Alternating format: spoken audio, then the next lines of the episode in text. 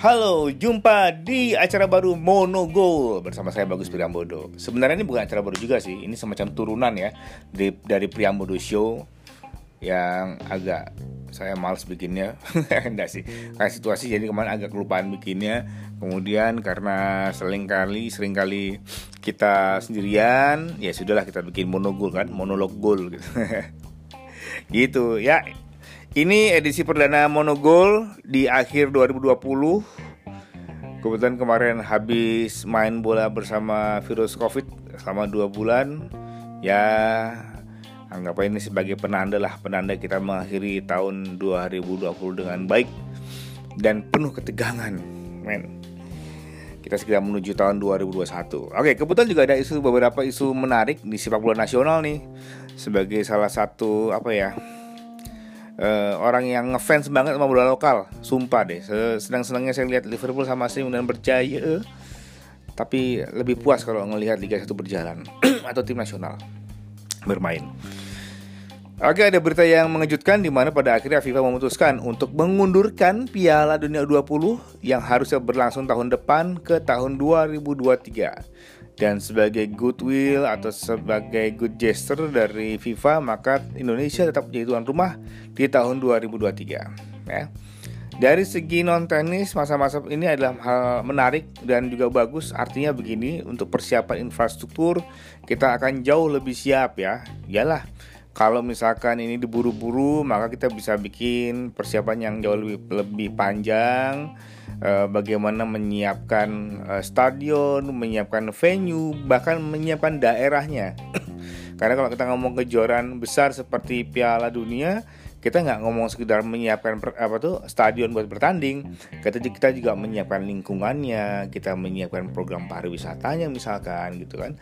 Ada program-program penunjang sehingga itulah kenapa membuat event-event besar seperti uh, Piala Dunia itu selalu dianggap sebagai salah satu penggerak ekonomi yang bagus karena bisa dimanfaatkan. Andai bisa memanfaatkan, bisa dimanfaatkan untuk menggerakkan ekonomi di suatu tempat sebut gitu kan.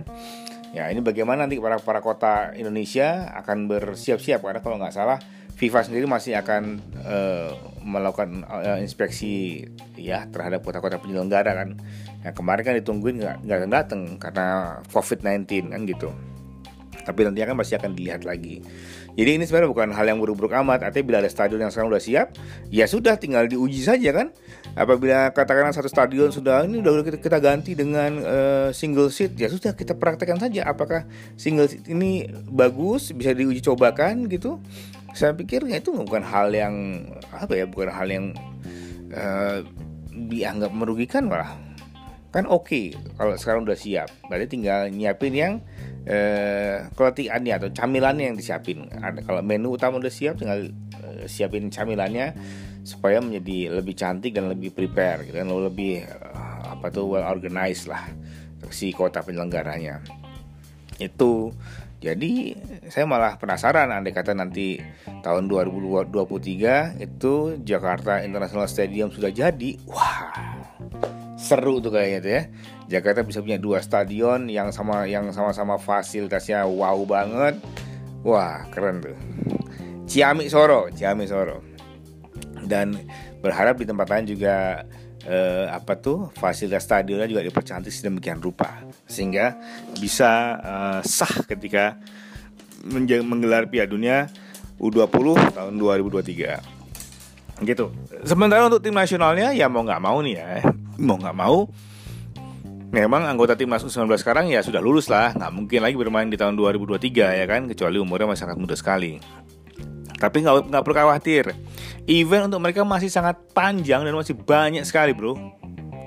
Mulai dari Piala Asia yang masih on track mulai SEA Games eh, yang masih mereka lalui sampai dua kalian mungkin ya sampai dua tiga kali masih ada pre-olimpik, masih banyak event buat timnas U19 kita sebenarnya. Dan yang paling penting kan sebenarnya gini, di usia 19 tahun adalah bagaimana kemudian mereka menyiapkan diri agar siap secara teknik dan juga mental untuk bertarung di level senior. ya kan? Para pemain ini harus harus siap mental, uh, harus kuat ketika akhirnya betul-betul terjun di level senior baik berupa kompetisi liga maupun turnamen-turnamen internasional. Jadi uh, bukan akhirnya segalanya lah kan gitu. Sebaliknya ini juga menjadi PR yang besar bagi PSSI bagaimana menyiapkan para pasukan buat tahun 2023 kan gitu. Se kemarin ada yang bilang nggak pas nih kalau bikin pelatnas jangka panjang. Kalau buat saya pelatnas jangka panjang untuk kelompok usia itu masih pas-pas saja gitu, masih masih cocok-cocok aja buat pemain usia dini atau usia kelompok umur.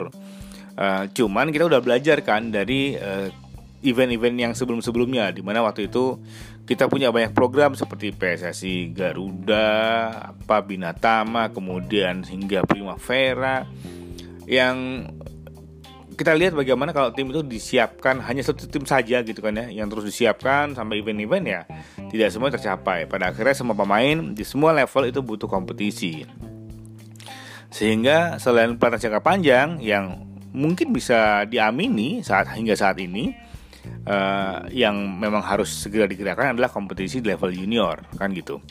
Kita pernah punya namanya Elite Pro Academy Competition yang salah satu syarat untuk tim Liga 1 jadi tim Liga 1 harus punya tim IPA yang digelar tiap tiap tahunnya waktu itu dan salah satunya ya pemain-pemain yang sekarang berada di uh, timnas U19 uh, dan juga mungkin ada yang dikirim ke Garuda Select itu juga salah satunya adalah bagian dari produknya IPA.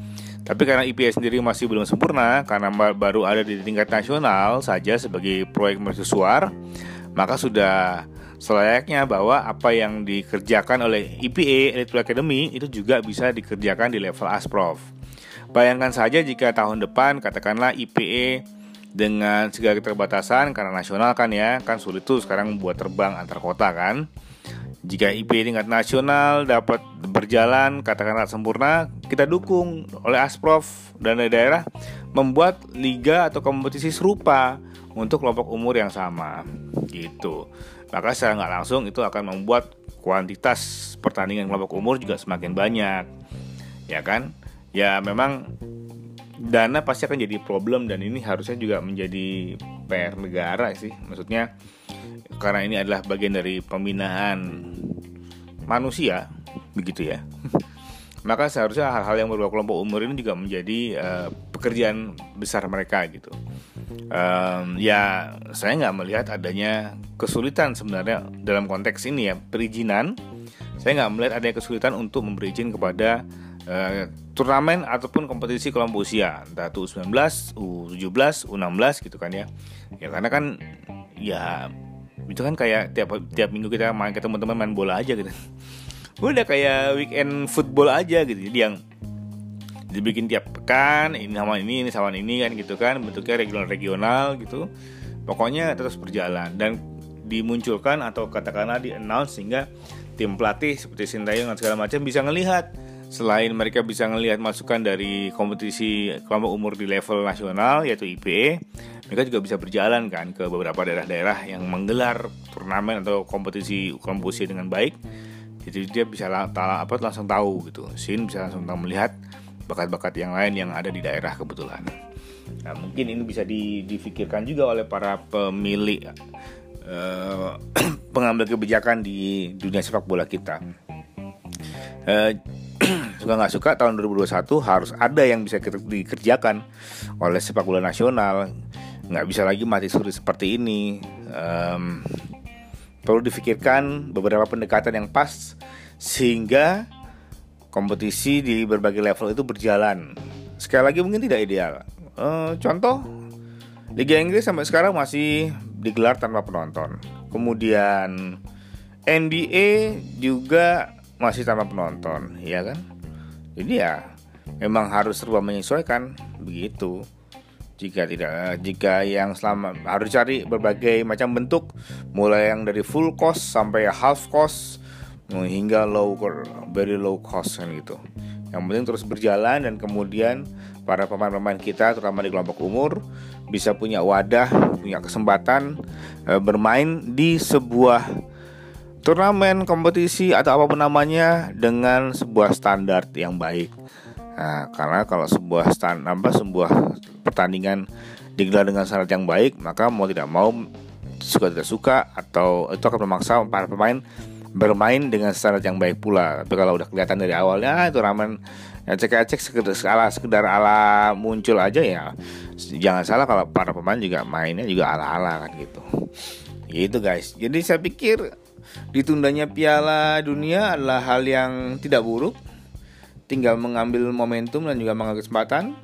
Dan mengenai timnas, saya pikir juga saat ini sudah ada timnasnya U16 yang tentunya hingga tahun ini juga masih punya banyak agenda sebagai apa ya sebagai tulang awal ya firstbornnya timnas U19 untuk tampil di Piala Dunia tahun 2023 sebagai firstborn ya kan? Nanti Sintayong dan juga PSSI akan mencari bagaimana kita melihat para pemain-pemain lain gitu kan untuk bisa menjadi uh, penggawa timnas di Piala Dunia 2023 nanti bila Sintayong tetap bertahan. Kalau enggak ya nggak tahu siapa jadi pelatihnya kan gitu. Gitu sih guys gitu ya. Baiklah kita akan ketemu lagi di monogol berikutnya. Sekian dulu yang monogol pertama ini semoga berikutnya jauh lebih cihu ya. See you guys